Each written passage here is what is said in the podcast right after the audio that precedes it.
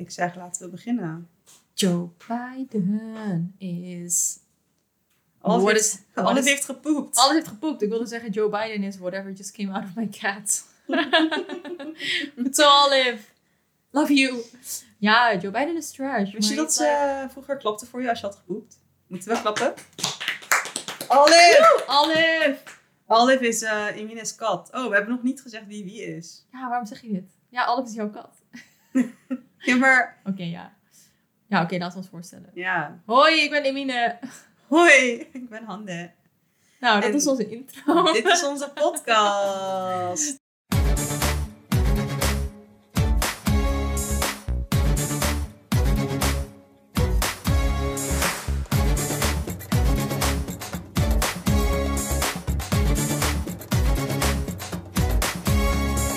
Stel dat we elkaar COVID geven tijdens de opnames, denk ik niet. Ik heb het net gehad, like twee minuten geleden. Letterlijk twee minuten geleden. Ja. Aan het begin van deze podcastopname. Wow, ik wil ook weten wie er allemaal COVID hebben gehad van de mensen die luisteren. Ik weet namelijk dat er heel veel verschillende verhalen zijn over hoe erg het is als je het krijgt. Maar omdat we hier duizend miljoen jaar over hebben gepraat dit jaar, gaan we het niet hebben over COVID. Nee, nie- niemand zit erop te wachten. Nee. We kunnen het wel hebben over iets waar iedereen al een maand over praat. Namelijk Paris Hilton's documentaire. Oh. Ja. Ik ken best wel weinig mensen die, nou, wel veel mensen die het hebben gezien, maar weinig mensen die er echt iets over hebben gezegd. Ik denk dat het eh, een beetje een flop was. Ik denk het ook, man. Ja. Maar kijk eerlijk, hoe goed kan het een documentaire zijn die door YouTube is gemaakt? Ik snap niet waarom het op YouTube is uitgebracht. Waarom was het geen Netflix-docu? Ik weet niet. Ja, misschien omdat YouTube super accessible is voor heel veel mensen. Ja. En zij doen natuurlijk nu ook best wel veel van die docu's en films. Ze zijn een beetje een production company geworden, net als Netflix. Ja. Maar ja, goede vraag. Ehm, Misschien boden ze meer geld. dan Netflix? Wauw. Ja, snap je? Misschien is dat wel zo. Of Netflix vond Paris Hilton niet interessant. Misschien is Netflix opgericht door Gen Z'ers. Die niet weten wie Paris Hilton is. Gen Z'ers die niet eens weten wie de fucking Spice Girls zijn. Ja, dat is echt sad. Of Britney. Oh Nou. ja, Britney Spears is toch die artiest? Denk je dat, denk je dat meer mensen van... Denk je dat meer Gen Z'ers weten wie Britney Spears is? Of meer Gen Z'ers weten wie de Spice Girls zijn? Ik denk Britney Spears. Echt? Spice Girls kennen ze denk ik sowieso niet. Britney kennen ze wel, denk ik. Ook niet van hun fashion? Hun fashion was zo dope. Maar Ja. nee. Ik denk wel dat Gen Z'ers de fashion dragen van de Spice Girls. Maar ik denk niet dat ze weten wie de Spice Girls zijn. Dat maakt me echt een beetje...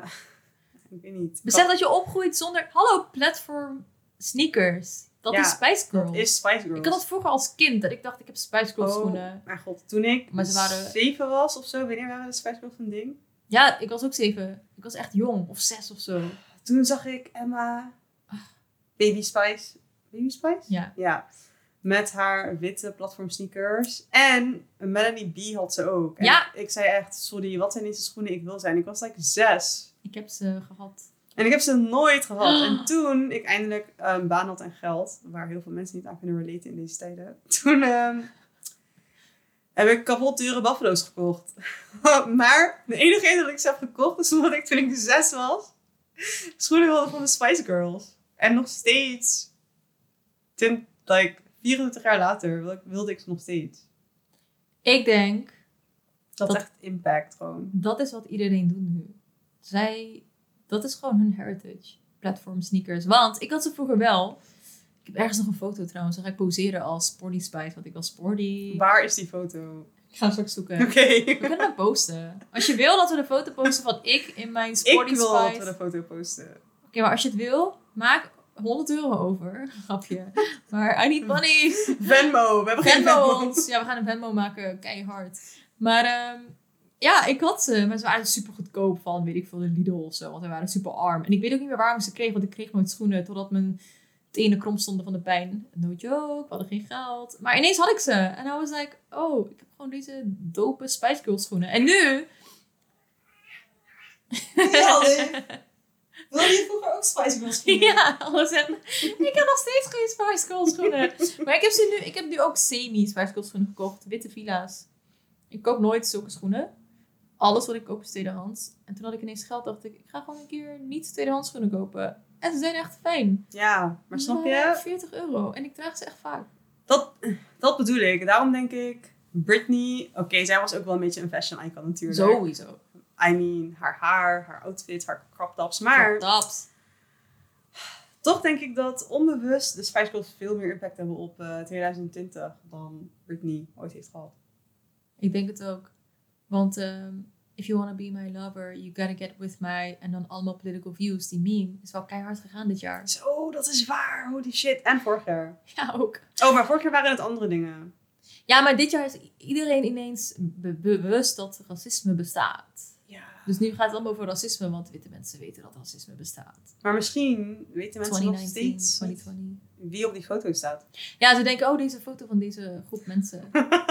Weet je wel, die meme met die groep mensen Weet je wel, Welke al die mensen? meisjes in lit fire outfits. die iets vasthouden. en dan echt zo, eh bedoel je de Spice Girls? Oh, wat is je lievelingsnummer van de Spice Girls? Eén van je lievelings. Top drie. Oké. Welke I- zit er nu in je hoofd als je aan ze denkt? Viva forever. Oh my god. I'll be waiting. Ik hou van het nummer.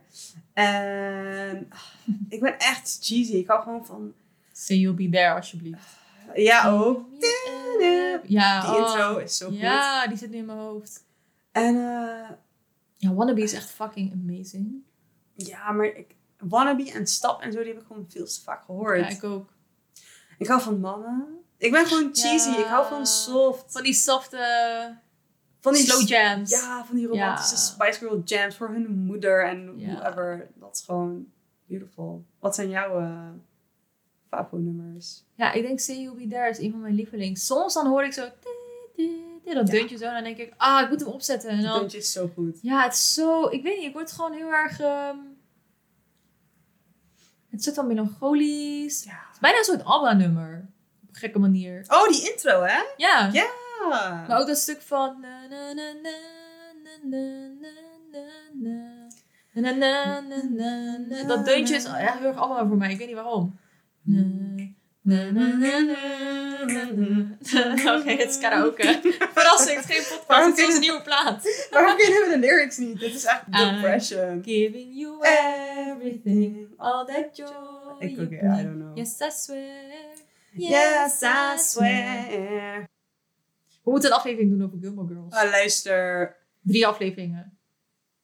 We moeten sowieso, en dan wil ik mensen, dan wil ik alle Gilmore Girl fans, dat, Ja. dat, dat gewoon inbellen. En het wordt een hype aflevering over onze favoriete tv-show ooit. Het wordt een drieluik. Oh nee, dat kan ik niet zeggen, want ik wilde zeggen het wordt een drieluik. En het is gebaseerd op welk vriendje van Rory je het beste vindt. Maar toen dacht ik, dat mag ik niet, eigenlijk niet zeggen volgens een artikel die ik laatst las. En dat Zo. ging hierover. Gilmore, Gir- when did Gilmore Girls became about the Gilmore Boys? En het ging erover dat, ook al bedoelde Amy Sherman Palladino het niet zo. Palladino, ik weet niet dat zegt, whatever. Ehm, uiteindelijk is de show vooral gegaan over which boyfriend of Rory's was the best for her. Toen dacht ik, but that's also... Ik ben het niet eens met het hele artikel, maar ik dacht, oh, dat is inderdaad waar. Denk je echt dat het daarover gaat? Nee, maar het gaat wel altijd over wie je het leukst vond. Als je het met mensen over Gilmore Girls hebt, het gaat in mijn ervaring heel vaak over, oké, wie vond je leuker? Eh, are you team Dean of team eh, Jazz? Weet Ja, je maar wel? ik denk dat dat echt een super standaard heteronormative Precies. Conversatie is rondom elke tv-serie ooit. met denk ik meerdere ook. love interests. Dat denk ik ook. Maar ehm, dat hele artikel ging over dat eh, het karakter van Rory ook. ehm, ik vond, dat vond ik dus het stomme eraan. Dat het heel erg veranderde per persoon waar ze mee samen was. En toen dacht ik, maar dat is ook, dat is ook normaal. Het is, niet, zo dat, het is niet zo dat je dan jezelf verliest. Maar iedereen, iedere relatie doet iets anders met je. En je bent Ja. met iedereen ben je toch een beetje een andere versie van jezelf. Maar oké, wie vond je haar beste boyfriend? Weet je wat heel grappig is? Dat dat, eh, het is niet grappig, maar dat het om de zoveel tijd verandert. Want Ja. toen ik de Yes. 15-jarige handen die ah, Gilmore Girls. Ja. Nou, we gaan even wijn inschenken. Die, ehm, de 15-jarige handen die Gilmore Girls keek, die was heel erg fan van jazz natuurlijk. Maar op een hele foute manier kwam dat omdat ik heel erg kon relateren aan wie jazz is. Same. Wat zijn interesses zijn en de dingen die hij leest. Oh, er zit water in. Oh, sorry. Ik kan, ik kan wijn bij de water doen. Dat is toch Nederlands? Water bij de wijn doen. Water Wat betekent dat eigenlijk? Ik weet dat het een uitspraak is. Ja, eh, iemand. Hey Nederlanders, als er een Nederlander is die ons spreekwoorden wil leren. Sorry, het is echt veel. Let us Ja. know. Wij, eh, wij, ik bedoel, spreek voor mezelf, ik ben heel slecht in spreekwoorden. Ik ook. Ik ben heel, heel slecht in Nederlands, zoals je net al hoorde in de intro. dus. maar, ja. Ja, Ik denk dat ik tussen mijn 15 en 21 of zo. Oh ja, ik moet even clarify. Dit is letterlijk de Gilmore Girls aflevering nu opeens. Maar ehm, elk jaar kijk ik Gilmore Girls. Ik ben een beetje obsessed. Het is een beetje een ziekte. Misschien moet ik afkicken. Luister, ik, iedereen kijkt het zoveel. Als je eenmaal bent begonnen, kan je niet stoppen, toch? Ik weet niet. Ja, ik kijk het dus Ik de hele tijd. altijd. Ik kijk het altijd. Maar Niet eens elk jaar. Ik denk dat je elke, misschien niet elke maand, maar om de maand of zo wel een aflevering kijkt, toch? Misschien ieder half jaar. nee, ik bedoel dat ik echt wel ziek, zieke Gilmore Girl binges heb elk Ja, jaar. ik ook. Gewoon ineens een paar per seizoen gaat kijken of zo. En het valt me wel heel erg op dat het, dat het altijd op momenten zijn dat ik comfort en troost en dat soort dingen nodig heb in het leven. Omdat het voor mij een beetje een manier is van... De show zelf is sowieso heel erg dat, dat zoetsappige en soort van die, dat idyllische, idyllische van de moeder-dochter relatie, maar ook Stars Hollow en al de personages. En sowieso, like, de hele cinematografie en hoe het eruit ziet is gewoon super kalmerend en zen en makes you feel good. En de muziek. De fucking soundtrack is zo goed. En dan niet alleen een soort van de muziek van de show zelf. Weet je dan hoor je zo... Oh ja, de interludes, ah. ja. Maar ook alles wat er tussen... Ja, die interludes, die zijn zo goed. zijn heel goed. Het is zo soort van... Je, je hoort het en je denkt, oh, ik ben weer thuis. Precies, dat is Echt een het. knuffel. Het is echt een knuffel en je, je thuis Ah. voelen. En dan zie je ineens Sonic Youth. Lid. Playing on this Sonic TV Youth, show. Sonic Youth was ook in uh, Gossip Girl. We doen wel Oh, een keer een aflevering over Gossip Girl. Maar Ja. over Sonic Youth. over jazz. Dus, Ja, ik was heel erg fan van jazz. En tot je 25ste. tot, ik weet niet, tot heel, heel lang. Tot echt drie jaar geleden inderdaad. En nu, controversieel, maar ik ben toch team eh, Dean. Ja, snap ik. Ja, I Want weet je, weet je wat ik eh, las? Vertel. Ik las dat eh, Team Dean Mhm. betekent dat je valt voor mannen die eh, je stabiliteit bieden. Waar je een leven mee kan opbouwen. En eh, die misschien zelfs een beetje sub- submissief kunnen zijn, submissive.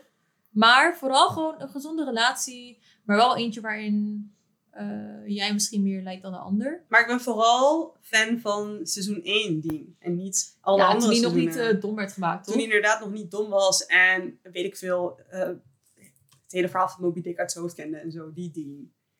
En honderd keer per jaar Lord of, Lord of the Rings wilde kijken en zo. Ja, want ineens werd hij een soort van iemand die niet begreep waarom Rory boeken las. Zo van, Oh, I'm not as smart as you, Rory. ja. Waarom, de, waarom je volgens het artikel dus ehm, Team Dean zou zijn. Want dit artikel legt niet alleen maar uit van, oh, de Gilmore Girls gingen ineens over de Gilmore Boys. De, die persoon die het schrijft zegt ook dat de boyfriend, het vriendje van Rory die je kiest, heel veel zegt over hoe jij in een relatie staat. Mhm. En jij gaat blijkbaar dus voor een stabiele relatie, voor een soort van settlers, weet je wel? Want het is een soort van cliché verhaal van je eerste liefde, waar je dan voor altijd mee samen blijft. Mhm. En dat is omdat je een stabiele relatie wil. ehm, en ik weet dat jij niet zo bent, maar het, het staat wel een beetje voor mensen die toch liever niet willen dat dingen veranderen en een beetje hetzelfde blijven. En ehm, niet per se houden van heel veel heisa. Mhm. En ehm, ik denk dat jij het heel saai zou hebben om met iemand samen te zijn die alleen maar het tijd met je eens is. En nooit weerwoord biedt en nooit drama mee hebt. En alleen maar gezellig elke avond op de bank zit. En iemand die nauwelijks wat zegt. Maar dat dat is die het- zeg maar later is. Precies, en dat is het verschil tussen seizoen 1 slash half seizoen Precies. 2 Dean en Precies. later. Daarom zei ik, het is wel seizoen 1 Dean. En daarom ben ik het ook niet eens met het artikel. Want ik denk niet dat Dean al eh, voor settlers is. Ik denk dat het een heel erg groot verschil is tussen wat voor Dean. Maar ik ben team Jazz. Natuurlijk weet Team Chess. Want het artikel zegt, Jazz is for people who get off on a codependent relationship. En daar ben ik het ook niet mee eens. Maar het gaat vooral over dat Jazz ehm, soort van een classic eh, persoon is waar je op valt. Die gewoon super interessant is en super creatief. Maar ook iemand die gewoon echt zichzelf nog niet doorheeft. En Mhm. waar jij ook, ik denk echt, ook, dat zie je ook waar Rory is niet soort van opgehouden met van hem houden. Het moest omdat hij gewoon ineens wegging. En hij kon er niet mee omgaan. Ehm, en ik snap heel goed waarom ze met hem samen bleven. En ik snap ook heel goed hoe dat al was gelopen. Want ik kan me daar wel heel erg in vinden. Ehm, En ik denk dat iedereen het ermee eens is dat Logan onuitstaanbaar is. Nee, nee, nee. Nee, ik ken mensen die Team Logan zijn. Ik denk dat het mensen zijn die stiekem zelf ook vallen op rijke, verwende mensen die ze op nummer 2 hebben staan in hun leven. Want Logan was soms echt heel lief voor haar. Hij heeft echt lieve dingen Mhm. gedaan. Hij heeft een spannend leven. Maar hij is zo ongelooflijk egocentrisch. Echt absurd. Er staat ook Logan. Logan is for those who love fuckboys. En ik haat het woord fuckboy. maar ik denk wel dat het waar is. Ehm, Het is echt een gendernormatief cliché om dat te zeggen.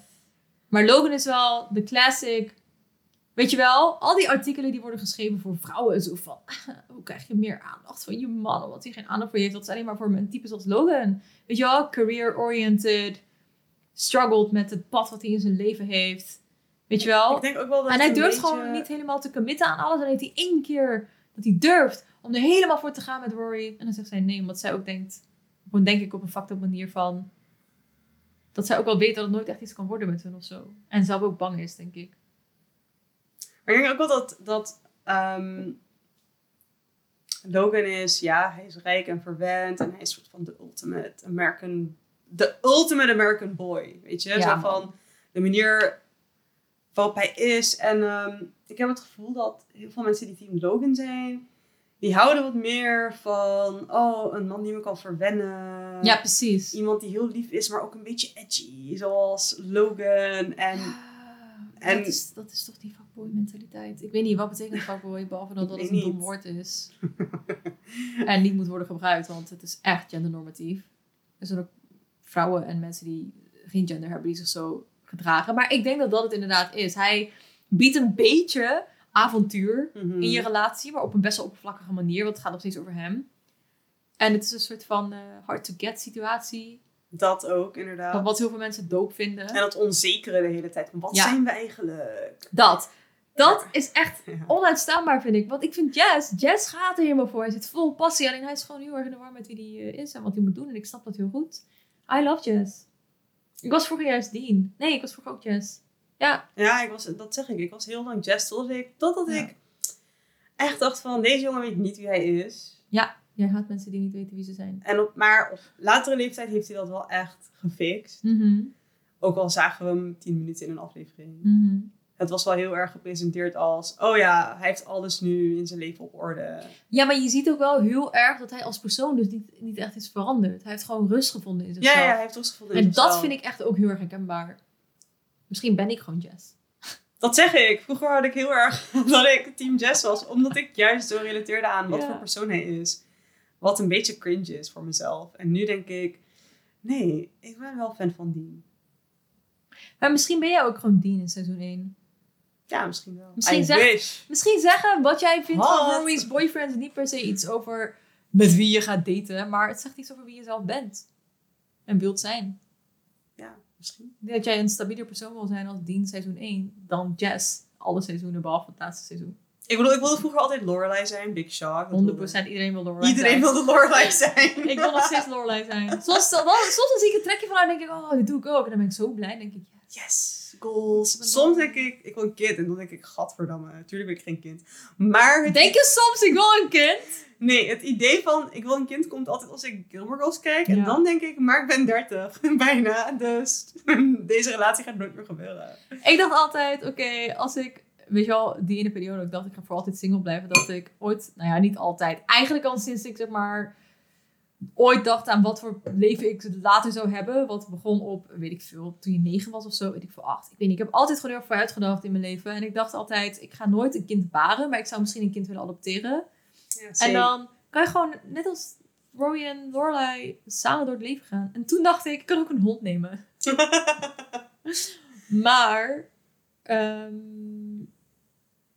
ja, we moeten hier echt een aflevering lang over gaan praten. nou, dat, dit is nu al een aflevering lang. We moeten een aflevering lang gaan praten over Lane. Oké, nou, stay tuned voor nog meer Gilmore Girls materiaal. Stay tuned, boys. Laten we teruggaan naar onze opener, die opeens verdwaald is in. Ik heb geen idee hoe. Uh, maar we wilden vandaag een heel klein beetje praten over Mijn kat Olive. haar kat Olive. en de American elections. USA! USA! Gaan we nu ook klappen voor de USA, omdat USA poep is? Ja. Woe! Nee, I love the USA. Ja, sorry. Ik ook. Maar wat, wat grappig is, dat ik er nooit ben geweest. En ik, ik, ben, niet. zo, ik ben zo iemand die voelt dat ze in New York moet gaan wonen. Luister. Ja, ehm, wij zijn echt hele grote USA slash New York fans. En dat komt gewoon zijn door... future New Yorkers. Maar dat komt gewoon... Dat is gewoon alle popcultuur invloeden van... Sex and the je City. Gilmore Girls. Ja, Jess ging ook naar New York, hè? Ik denk dat de hele reden dat wij deze podcast hebben... En de main focus... Een van de main focuses op cultuur gaat zijn... Komt letterlijk door de US. Ja, want we maken deze podcast zodat iemand in de VS ons ontdekt en zegt: Kom in New York wonen. Oké, maar wat als Trump de verkiezingen had gewonnen dit jaar? Zou je dan alsnog denken van... Nee. Binnen vier jaar ben ik in New York? Nee, want ik denk sowieso niet dat het iets is voor binnen vier jaar. Misschien meer over vier jaar. Ik denk ook dat het feit dat Trump zou winnen, dat zou niet eens een verrassing zijn. Het, was, het zou voor mij echt niet een verrassing zijn geweest. Want racism didn't end na juni 2020. Toen mensen dachten, wow, wacht even. Oh mijn god, dit gebeurt gewoon echt. Weet je wel? Het bestond al lang al. Dus ik weet niet. Ook toen de eerste keer dat hij werd verkozen, was ik niet verbaasd. Ik zag het aankomen. Iedereen zei, nee, dat denk jij, maar dat gaat niet gebeuren. En toen gebeurde het. Toen dacht ik, ja, het is gebeurd. Ik weet niet, ik was gewoon heel... misschien ben ik... Wij zijn wel een beetje een soort van... ah, niet cynisch, niet pessimistisch. Nou, ik ben best wel een pessimist. Ik ben een realist, zeg ik altijd. Dat zeg ik ook altijd. Maar ja, mensen die dat zeggen zijn misschien pessimistisch. Nou ja, nee, want, want kijk, het hangt er een beetje vanaf wat je realiteit is, toch? Mijn realiteit is best duister. En, en, en misschien wel cynisch. Maar jij bent net als ik ook iemand die weet dat er misschien niet veel gaat veranderen. Omdat ja, de mensen die verandering kunnen teweegbrengen toch te weinig doen of alles op zichzelf centreren. En toch blijf je pleiten voor verandering. Ja, En dat vinden heel veel mensen gek. Elke keer als ik moet uitleggen dat ik niet geloof dat er vooral in Nederland zo snel politiek iets gaat veranderen, of mentaal, of sociaal, of cultureel, of economisch, het is allemaal aan elkaar gelinkt. Dan zeggen mensen, oh, maar je bent heel erg eh, bezig daarmee. Dan denk ik, ja, want wat moet ik dan doen? Moet ik dan niks doen? Het punt dat je erachter komt dat de wereld fucked up is, is voor mensen zoals jij en ik, die niet geprivilegeerd zijn opgegroeid of geboren in het land, en niet de privileges hebben die misschien mensen hebben die wel bij de norm horen, is dat je al heel vroeg doorhebt, voordat je tiener bent, dat dingen echt oneerlijk zijn. ja. Want die maakt het mee. waar. Fucking racism maak je fucking mee. En wat ga je dan doen? Ga je dan denken, oh ja, nee, er is geen plek voor mij op de wereld. Ja. Nou ja, dan is dat maar zo.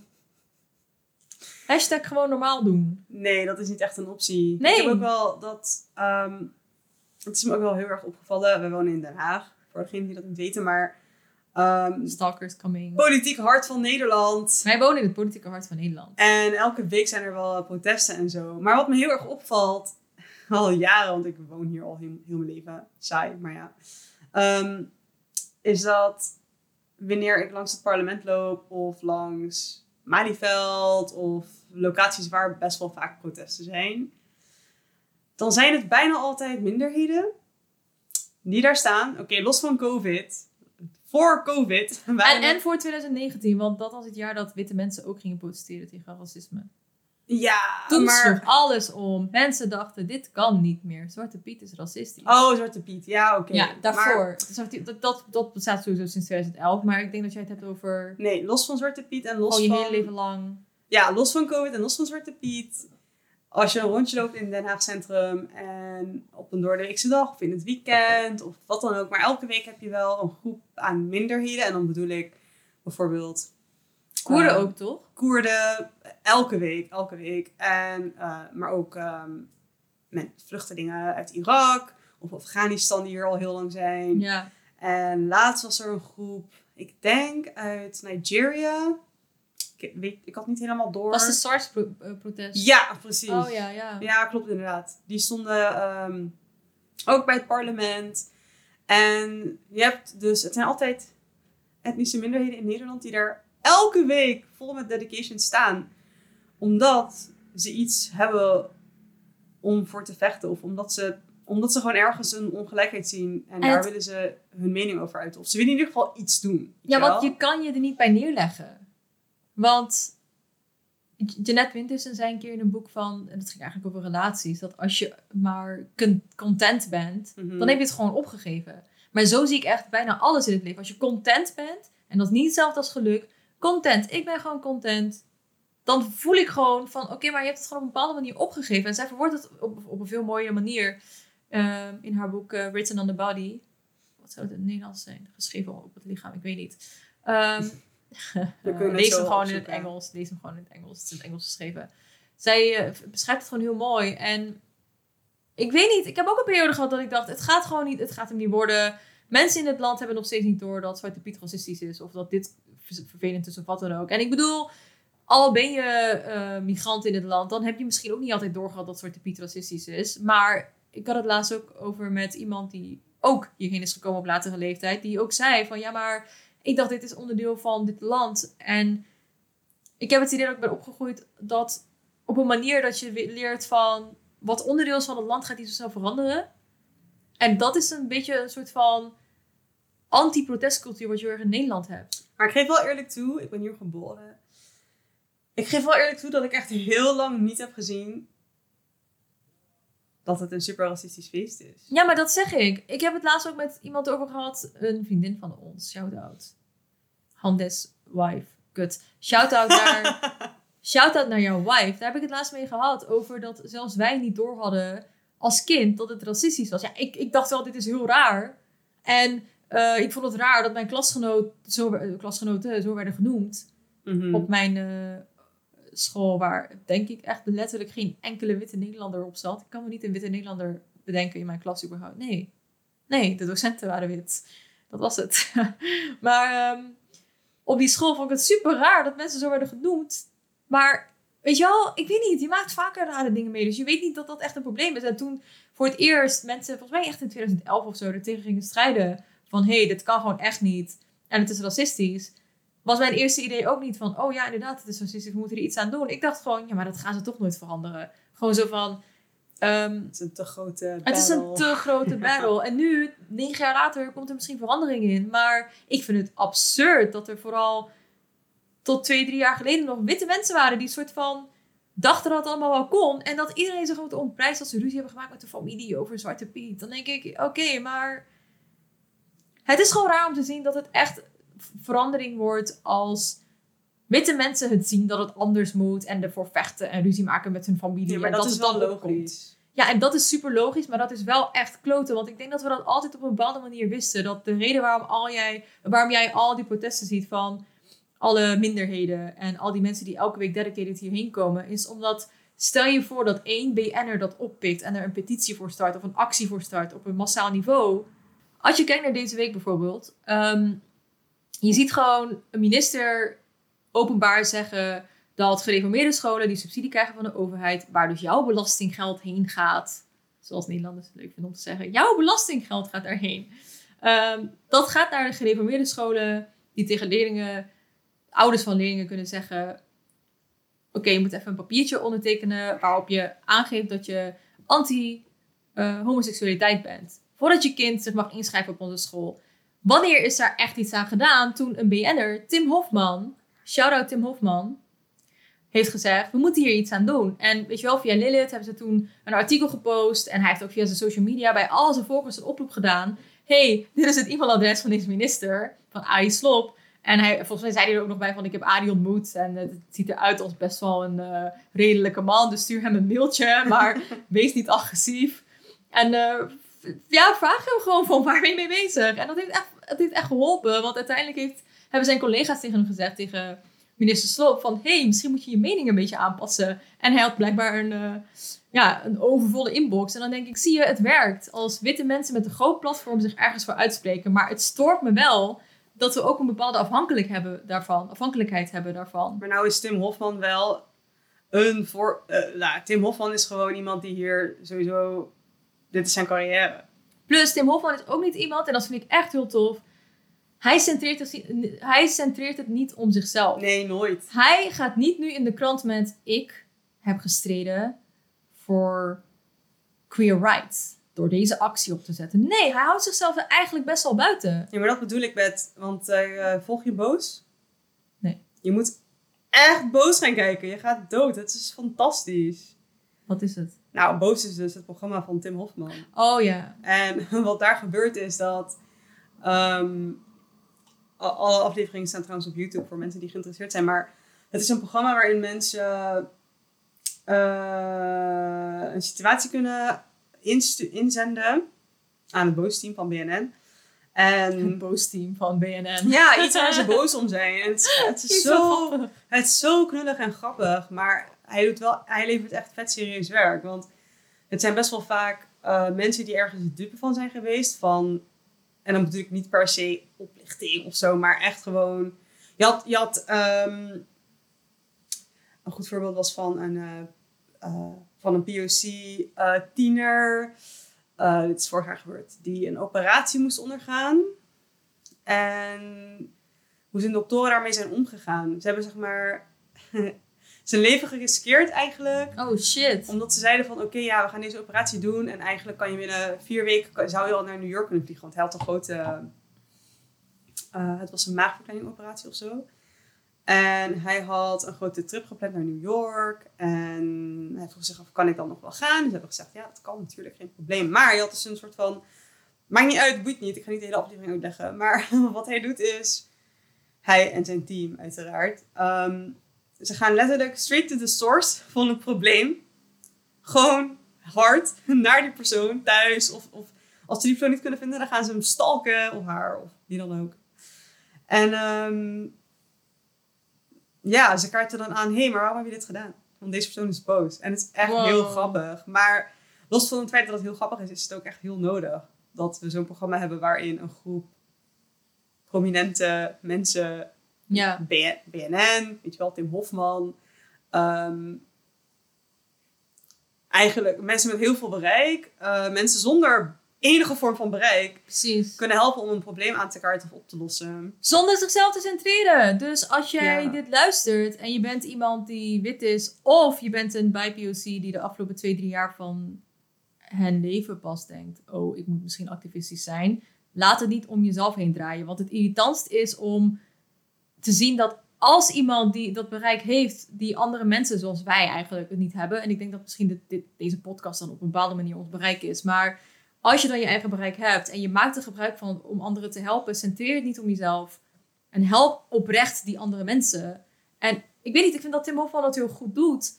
Ehm, en terwijl ik dat zeg, denk ik ook, ik hoop dat hij dat goed blijft doen. En ik hoop ook dat hij dat op deze manier blijft doen. Want dat stoort me echt het meest. Aan zien dat er mensen zijn die dat bereik wel hebben. En het nog steeds gaat om hun goedheid in hetgeen wat ze doen. Daar gaat het namelijk niet om. En Tim, Tim Hofman is nooit zo van...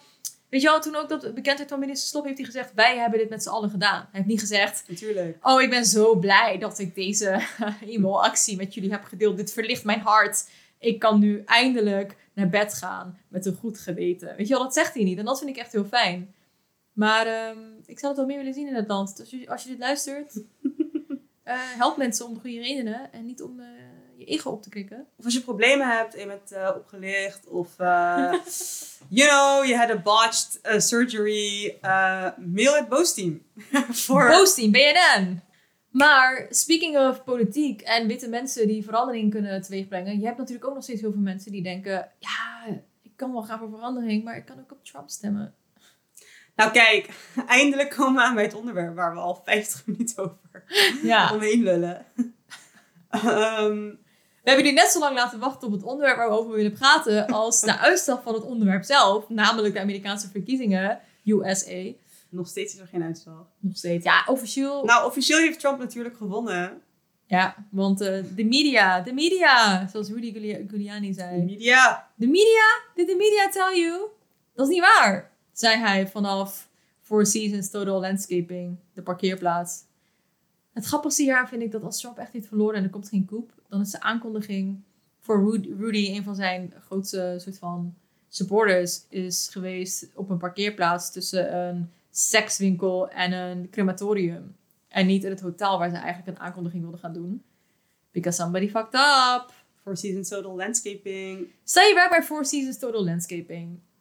En de White House belt je met... Hey, Four Seasons. We willen graag een persconferentie plannen voor president Trump. En je zegt, oké, is goed. En je weet gewoon... Ze willen niet bij Four Seasons Total Landscaping op de parkeerplaats staan. Ze bellen waarschijnlijk de Four Seasons, het prestigieuze hotel. Maar je denkt, schijt. Ik ga deze mensen gewoon hierheen laten komen. En tussen een crematorium en een seksshop een eh, speech laten houden voor Trump. Maar kijk, even kort voor iedereen die onder een steen op de maan heeft geleefd en de verkiezingen in de VS. Op een steen, niet onder. Nee, onder een steen. Oh. Onder een steen op de maan. Als je onder een steen op de maan hebt gewoond. Zo ver verwijderd van de maatschappij en alles wat boeiend is Ja, deze maand. Ja. Ehm, we hadden dus eh 2 november, 3 november, de Amerikaanse verkiezingen. Niet wij, want wij wonen daar niet, maar... jawel, wij zijn future New Yorkers. Het telt mee. wij als Gilmore Girls fans zijnde, hebben dus de Amerikaanse verkiezingen gevolgd. En dus Ja. vinden wij dat wij het ook hebben meegemaakt. nou, we hebben het al zeker meegemaakt. Slapeloze nachten! Dus misschien kunnen we een paar minuten dediceren aan some highlights Ja. van eh, de 2020 US elections. Mag ik even trouwens wel echt, dat heb jij al gezegd, maar even benadrukken aan mensen die hier niet veel van af weten. Het is dus nog steeds niet 100% zeker dat Biden en Kamala Harris hebben gewonnen. Want het is nog steeds niet officieel ingevoerd. Trump heeft nog steeds open eh, rechtszaken lopen. Trump weigert weg te gaan. Trump weigert weg te gaan. Er, is, er zijn geruchten dat er een coup kan plaatsvinden. Mensen zijn al... Mijn favoriete astrologen hebben al maanden geleden post gedeeld met... What happens if there's a coup? How can we tackle it? Denk je nou echt dat er een coup gaat komen in de VS? Er zijn zoveel organisaties daar die dat tegengaan. Just Weet je wat ik... Ik zou het wel tof vinden, omdat... Kijk, zelfs hun coup in Bolivia is gefaald. De US, die altijd zelf coups heeft gepleegd in Latijns-Amerika en in andere delen van de wereld. Fucking karma. Hoe dope zou het zijn als daar nu een coup komt die weet dat hij gaat falen? Ja, het zou kapot grappig Het zijn. zou zo grappig zijn. Maar ik denk niet En dat het het gaat- zover gaat komen. Ik denk wel dat Trump iets doms gaat doen. Hij hij- heeft nog echt een paar flinke weken te gaan, hè? Hij is al heel dom aan het doen. Dus Exact. eh, het gaat goed. Maar zoals een van mijn favoriete astrologen zei, dit is een narcissist die zijn verlies niet wil accepteren. Dus we moeten niet per se gaan cheeren. Na dag 1 moeten we eigenlijk juist op ons hoede zijn, want we weten niet wat er gaat gebeuren. Maar goed, hier is Hande met highlights voor de US elections 2020. Oh shit, this pressure is on. Oké, nou. ehm, even heel kort de facts. Zoals jij net zei. eh, onofficieel is Biden de grote winnaar. Althans, sowieso in de popular vote. Maar ehm, Trump geeft dus aan dat er sprake is van fraude. En wat ik zo mooi vind aan Trump is dat hij echt, nou, ik denk 95 tweets heeft gemaakt over hoe er fraude is gepleegd. En elke tweet is geflagd door Twitter, like vijf minuten later, als fake news, the irony. Dit is gewoon zo ironisch. En het grappige is, als je door zijn account scrolt, zie je ook alleen maar... This tweet has been marked by Twitter for perhaps containing false information of wat dan ook. Heel veel tweets, heel veel tweets. Echt, als je doorheen scrolt, dan denk je echt, kan ik hier iets van lezen zonder ergens meteen op te moeten klikken? Nee, want alles is nep. En speaking of fake news, ik heb twee eh, eh, dingen die ik wil delen. Ehm, Handen met fake news. Het segment. het segment. I love this. Ehm, ten eerste zijn heel veel conservative patriot Trumpists. Doordat ze allemaal werden gecensureerd dit jaar op Facebook, omdat er een supergrote controversie was. Vier jaar geleden met de elections, dat, dat Trump eigenlijk dankzij fake news op Facebook de eh, verkiezingen heeft kunnen winnen. Ehm, hebben Facebook en Twitter dit jaar echt keihard gewerkt. Keihard om iedereen te flaggen als eh, bullshitters. En als gevolg daarvan is er een nieuwe app ontstaan. Nou, die bestond al. Die bestond al. Maar opeens gingen mensen zo hard daarop. en het heet Parler. En Parler market zichzelf als de Free Speech Social Network. Het is super tof, want... Het klinkt nu al racist. Het is amazing. Ehm, ik heb dus een Parler-account aangemaakt. Omdat ik dacht, ja, ik wil even kijken wat het is. En ik volg onder andere Ted Cruz en zo. Het is Oh my fucking god, Ted Cruz. mega lit. En ik denk dat ik een tijdje Parler, eh, gewoon op Parler ga. No more Twitter, no more Instagram. I'm just gonna be that Parler bitch. En misschien dat we over een paar weken een aflevering kunnen maken over how I became an alt-right believer. Because of this social media network. Het klinkt meer... Oké, voordat mensen denken dat Hande echt een alt-right believer is. Je- het klinkt alsof je aan het infiltreren bent erin. Want dit doet me denken... Ik snap dat ze dit hebben opgericht. Want er waren mensen die een Facebookgroep hadden aangemaakt... dat zogenaamd pro-Trump was. Mhm. Na de election fraud, zogenaamd. En, ehm, maar die Facebookgroep werd toen verwijderd. Toen werd hij opnieuw op, op- opgericht. Want ja, Facebook had hem dus verwijderd omdat het fake nieuws was. Wat zij deelden. Zo van, eh, dit is voor alle Trump supporters die zich willen keren tegen de voter fraud die niet bestaat. Maar de grap is dat de mensen die die tweede groep aanmaakten, dat waren geen Trump supporters. Dus die hadden gewoon dezelfde naam gekopieerd als de eerste groep voor de Trump supporters. Toen hadden ze ineens 60.000 leden of zo. En toen dachten ze, dit is grappig, want wij zijn geen Trump supporters. En hebben ze de naam veranderd naar Gay Communists for Socialism. Oh ja, that happened. En mensen dachten dus, we're in a pro-Trump group. En toen gingen ze naar de pro-Trump group om te klagen. en toen heette het ineens Gay Communists for Socialism. Het ding is, het is wel een beetje... Ga jij ook infiltreren? Nee, nee, nee. Ik ben, geen, ik ben zeker geen infiltrant. Ik observeer alleen. En ik wil gewoon kijken... Ik wil gewoon uit mijn bubbel, weet je. En ik dacht, dit is de perfecte, het perfecte platform om dat te doen. Het is letterlijk alleen maar right-wing Trumpists en conservatives en zo. Maar je kan ook gewoon Fox News kijken. It's not the same, man. Ja, ik Want dit zijn gewoon users. Ja. Er is zelfs een eh koffietent. Een- een- Wat? Ja, er is een eh, espresso bar. ehm, die ik volg. Ik ga even kijken wie ik allemaal Huh? volg. Dus je kan ook als bedrijf een account maken daar. Ja, ja, ja. Je kan als Wauw. bedrijf... Oké, even kijken. Ik volg nu 15 mensen. Hunters Blend Coffee. Shout out to Hunters Blend Coffee. Premium coffee for freedom-loving Americans. Dat is hun bio. En ehm, ja, Oh ik my dacht God. echt amazing. En zelfs deze fucking koffietent is zo patriotic. En zo Ah. van... I believe America's sun is still rising. God will prevail. To make great coffee again. Swipe right. En dan heb je een recept voor lekkere espresso. Maar like American Patriotic, Freedom Loving Ja, Weet je wat grappig is? Dat mensen nog steeds zeggen niet alles is politiek. En dan heb je dit. En dan heb je dit. Hunters Blend Coffee. Zo, als je me nog steeds niet gelooft als je zegt letterlijk alles is politiek. Jouw fucking bestaan is politiek. Hier is het bewijs. Hunters Blend Coffee. Weet je wat ik ook raar vind? Dat altijd mensen die andermans vrijheden willen afpakken, zo hameren op vrijheid. En pff, ik wil geen grote uitspraken maken over wat zij willen. Maar ik denk dat Ehm, Trump heel veel vrijheden wil afpakken. dat is... Ja, En andere neonazies en fascisten. oké. maar Ook in eigen land. dat is eh, too much voor de laatste vier minuten van onze aflevering. Van onze podcast. Maar niet uit, het hoort bij deze Scorpio Energy om een grote uitspraak te maken. Oh ja, oh ja, oh ja. Dat is waar, dat is waar. dat We gaan nog wel een keer een aflevering doen over waarom ik denk dat mensen die zogenaamd strijden voor vrijheid en partijen hebben die eh, het woord vrijheid erin hebben of het woord democratie, vaak de mensen en de partijen zijn die andermans vrijheden willen inperken of afpakken. Het is een soort hypo enorm hypocriete manier van met vrijheid omgaan. Maar Dat is misschien wel zo. Maar aan de andere kant vind ik het ergens ook wel. Ik, ik snap waarom, maar ik vind ergens ook wel dat wanneer je nu onderdeel bent van eh, de alt-right, om het maar zo te labelen, of conservative. Conser nou, gewoon conservative Americans. Dat je dan niet eens een fucking Facebook post, post kan maken. Ik bedoel, zoveel mensen zijn aan het bullshit op deze social media platforms. Maar wanneer het. Ik snap het ook wel, want het, kan, het gaat heel veel uitmaken voor de uitslag van de verkiezingen uiteindelijk. En er zijn fucking armed military groups, hè, die nazi-aanvallen aan het voorbereiden zijn via die groepen. ja, En dat weet WhatsApp ik. Dat, bijvoorbeeld. dat, ja, maar kijk, dat kan je. Je krijgt dan een hele grote discussie daaruit van. Zijn, deze mensen hebben ergens wel gelijk als ze dingen stellen als.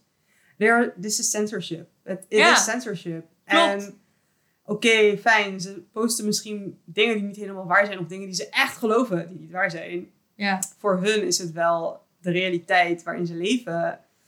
Ehm, en opeens hebben ze geen platform meer. Nou, ze hebben nu dus Parler. Maar opeens hadden ze geen platform meer om al deze shit te delen met elkaar. ja, maar ik bedoel, los van of het een platform is of niet, mijn uitspraak over mensen die vrijheden willen bewaren voor zichzelf, pakken vrijheden van anderen af, gaat veel meer op politiek niveau. Zo van, Nee, dat snap ik ook wel. Dat is niet per se op social media hoor. Want ik vind wel dat heel veel van die partijen super erg eh soort van hun vrijheid willen beschermen. Door de vrijheden van bijvoorbeeld moslims in te perken. Dan denk ik, Mhm. het is niet een competitie. Het is niet Abortion dat, rights. ja, het is niet dat het Gay feit, rights. Ja. het feit dat je.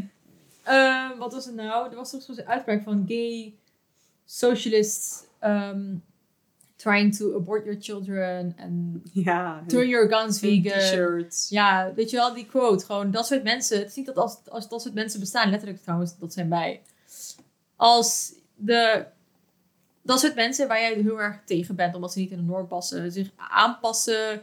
Of nou, niet zich aanpassen, maar als de samenleving opener wordt voor iedereen, betekent het niet dat jouw positie in gevaar is.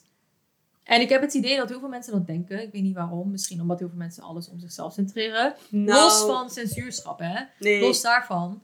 Ehm, want ik denk dat, het- dat het inderdaad heel erg kan eh backlashen als dat soort mensen geen platform hebben om zich op te uiten. Dat vind ik zelf ook niet per se een heel veilig gevoel. Plus, sorry, eh, even als non-binair persoon zijnde, vind ik eh, dat heel veel online mag worden gelabeld als fake news. Wanneer het gaat om. Vrouwen zijn niet gemaakt voor de tech-industrie. Biologisch gezien is een man niet tot staat tot emotionele volwassenheid. Dat zijn heel veel van die geprogrammeerde dingen die worden neergezet als biologisch. En het, het totaal sociaal-culturele aspect ervan wordt weggelaten. Dus als je daarnaar kijkt, heb je heel veel feiten om over te kunnen twijfelen. Maar ik denk dat er een verschil is tussen bias news en literal fake. Ja, news. maar dat is dus het ding. Bias nieuws is ook heel problematisch. Het is problematisch, maar het is niet... Oké, kijk. Ehm, En ik zeg niet dat zeg maar, al het nieuws zou moet eh, worden eh, gecensored en kijk, worden verboden. Maar wat ik ermee wil zeggen is, wat jij ook al zei, van maar uiteindelijk is heel veel nieuws... komt vanuit het perspectief van een bepaalde stroming. Of het nou het denkbeeld is van een krant, of het denkbeeld is van een journalist, of het denkbeeld is van... of van een AP of Reuters, Reuters, Reuters. Want die Ja. bepalen alles. Nee, in dat, los daarvan bedoel ik, of het nou een bepaalde stroming is, zeg maar een sociaal-culturele stroming in de maatschappij, die op een bepaalde manier denkt, it's never gonna be 100% zoals jij denkt, of zoals jij, like, what are facts, weet je wel, daar zouden we een hele, daar, daar kan je jaren van je leven aan spenderen tot je doodgaat en in je graf ligt en you will still not have an answer. Maar daarom denk ik, ik snap aan de ene kant ook wel dat Trump supporters of andere mensen die super conservatief, extreem rechts, nazi, whatever, fascisten zijn, zich heel erg beperkt voelen. Omdat er ook inderdaad op een bepaalde manier wel heel veel ehm, beperkingen zijn voor ze op hoe, in hoeverre ze zich online mogen uiten. Shout-out naar Lange Frans. Maar ook... En Ah, oh my god, grap van het jaar. Is hij, is hij al op YouTube? ik weet niet. Zal ik kijken? Oh wow, we waren echt, het leek heel even alsof het opname voor zulke mensen. Zo van, ja, het is wel erg. En toen was het naar Lange Frans. Maar, sorry Lange Frans, maar ja, het is echt grappig. Ehm, jouw struggle voor ons. Maar, ehm, Hij is weer terug op YouTube hoor. oh shit, heeft Ja. hij weer QAnon-video's gemaakt. Nou, speaking of QAnon. We gaan een hele aflevering doen over QAnon. Ja, ik wil alleen heel even kort Marjorie Taylor Greene feliciteren op haar win. Omdat ze nu in het Huis van Afgevaardigden zit. Gefeliciteerd. Ehm, ja, dit is echt...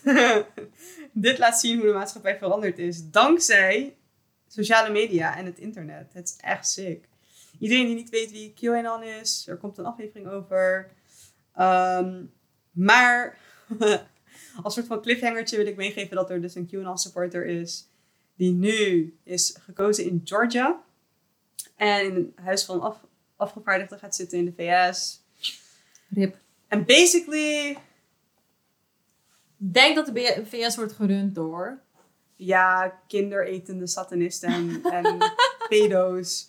Maar, kijk, de grap is... Waarom zoveel satanisten haat, though? Ja, I love satanism. Maar de Ja, grap is dat... ehm, Sorry Allah. Sorry Allah, we stand Satan. My friendship, with, my friendship with Allah ended. No, Satan is my best friend.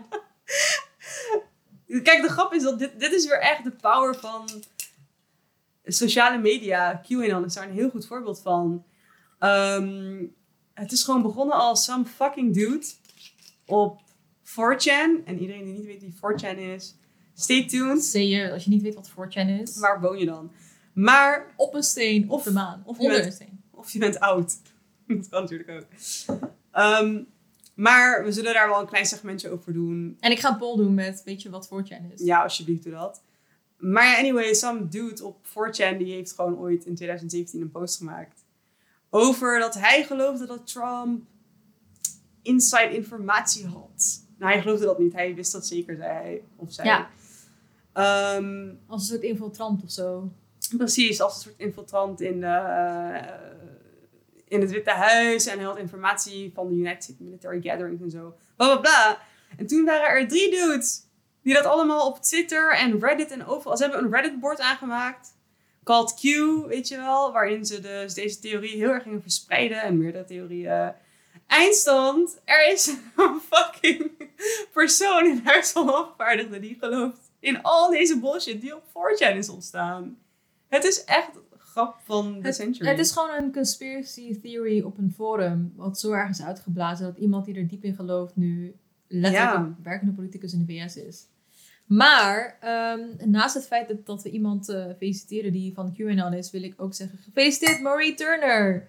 The first black, queer, non-binary Muslim. We stand a queen! representation. Dat is misschien wel de enige politicus waar ik me het meest aan kan identificeren.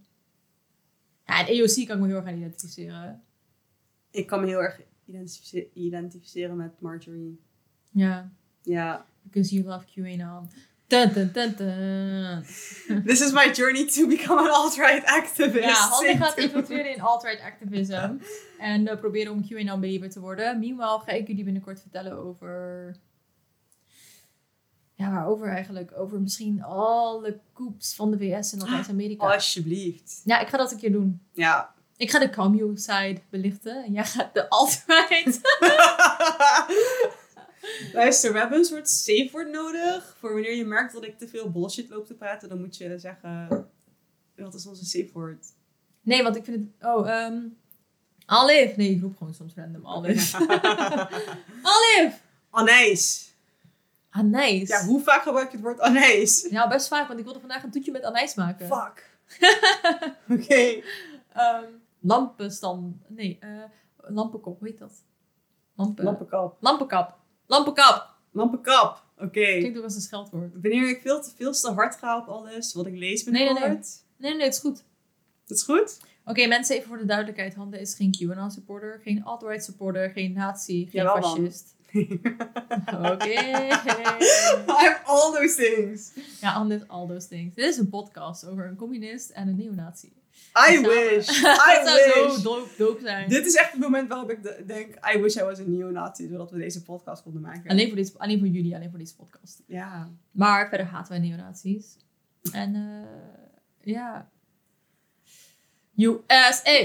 USA! Weet je wat het ding is met de Amerikaanse verkiezingen? Iedereen heeft er wel zijn mening over gevormd en gedeeld. En mensen waren wel blij, mensen waren niet blij, grapje. Iedereen was blij. Maar sommige mensen waren blij en sceptisch, blij en kritisch, blij en hoopvol. Het, het is allemaal langs geweest. Maar at the end of the day is er nog steeds niks wat echt 100% vaststaat. En dat is best wel fucked up. Ja. En ik denk dat het, het feit dat, dat het soort van nu anders wordt geframed in de media is omdat letterlijk nieuwszender-hosts op een gegeven moment zelf ook gewoon moe waren van vier nachten niet kunnen slapen en hierover doorgaan. Ze moesten mensen gewoon op een gegeven moment vertellen, oké, we hebben een winnaar. Oh ja, oké, ook op basis van soort van de predictions en de outcomes van zoveel procent van de tellen- tellingen van de stemmen. Maar ja, brace yourselves, want eh, we weten nog niet wat er allemaal gaat gebeuren de komende paar weken, zes maanden. Het wordt eh, spannend. Weet je waar ik heel erg fan van ben? Dat we deze pod straks gaan marketen als de US Elections episode. Maar het gaat 40 minuten over Gilmore Gilmore Girls. Team Jazz! En Tim Hofman. Team Jazz! Team Tim Hofman, 100%. Tim Hofman, shout-out. Ehm, ja, maar ja, dat was onze aflevering. Dankjewel. Dankjewel. Dankjewel. Neonatie. Iedereen die heeft geluisterd.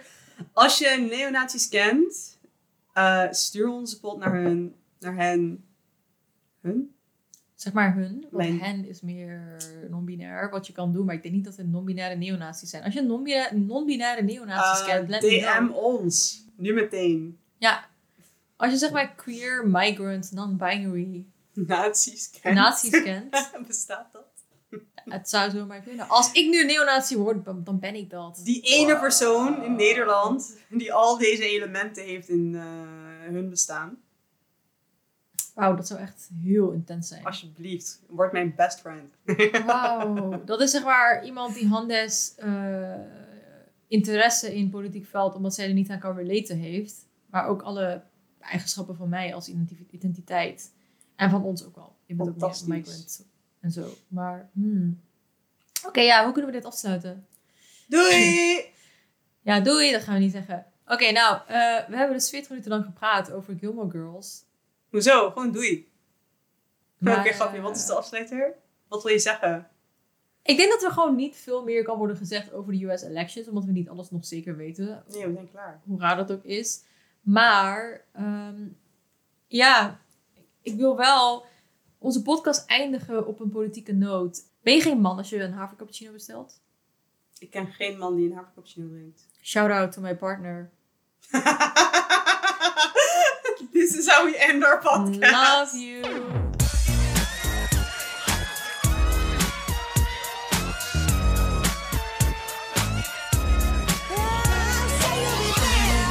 Giving you everything, all that joy can bring. This I swear. Nou, eh, wij gaan met mijn kat knuffelen. En wij gaan Harry Styles opzetten. Yes. Ik heb trouwens wel eh, rare seksteksten gelezen op eh teletext. Wat? ja, precies. Deze zin. Wat, wat is er gebeurd?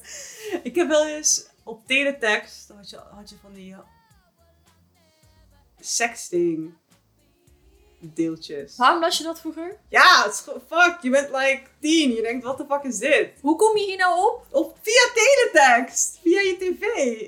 Maar waarom hebben we het nu ineens hierover? Ja, omdat je zei, heb je wel eens een fax gestuurd? En weet ik veel. Dat is je stap. Van fax kom je naar teletext. Nee, omdat je het had over, ik wil Ja, iets, nou. je zei, ik wil, iets, ik wil iets zeggen zoals sms, omdat het zo oud is. En ik dacht, nou, dit is Teletext. pas oud. Teletext. Dus jij ging sexting between people lezen op teletext. Ja, dat kon. Oh mijn god, Ja, dope. dude. Je hebt echt... Tegenwoordig kan je porno online kijken. maar great. Great. Dragon Oké. Ball Z hentai. ja, wauw. Dat is wat ik vanavond ga doen. En sojamelk drinken zodat je grote tieten kan krijgen. en je afkomt van je mannelijkheid. Okay, guys, don't drink soy. It's bad for you. Stay a boy. Don't drink sto- soy. Don't drink soy. Stay a boy. Bye, bitch.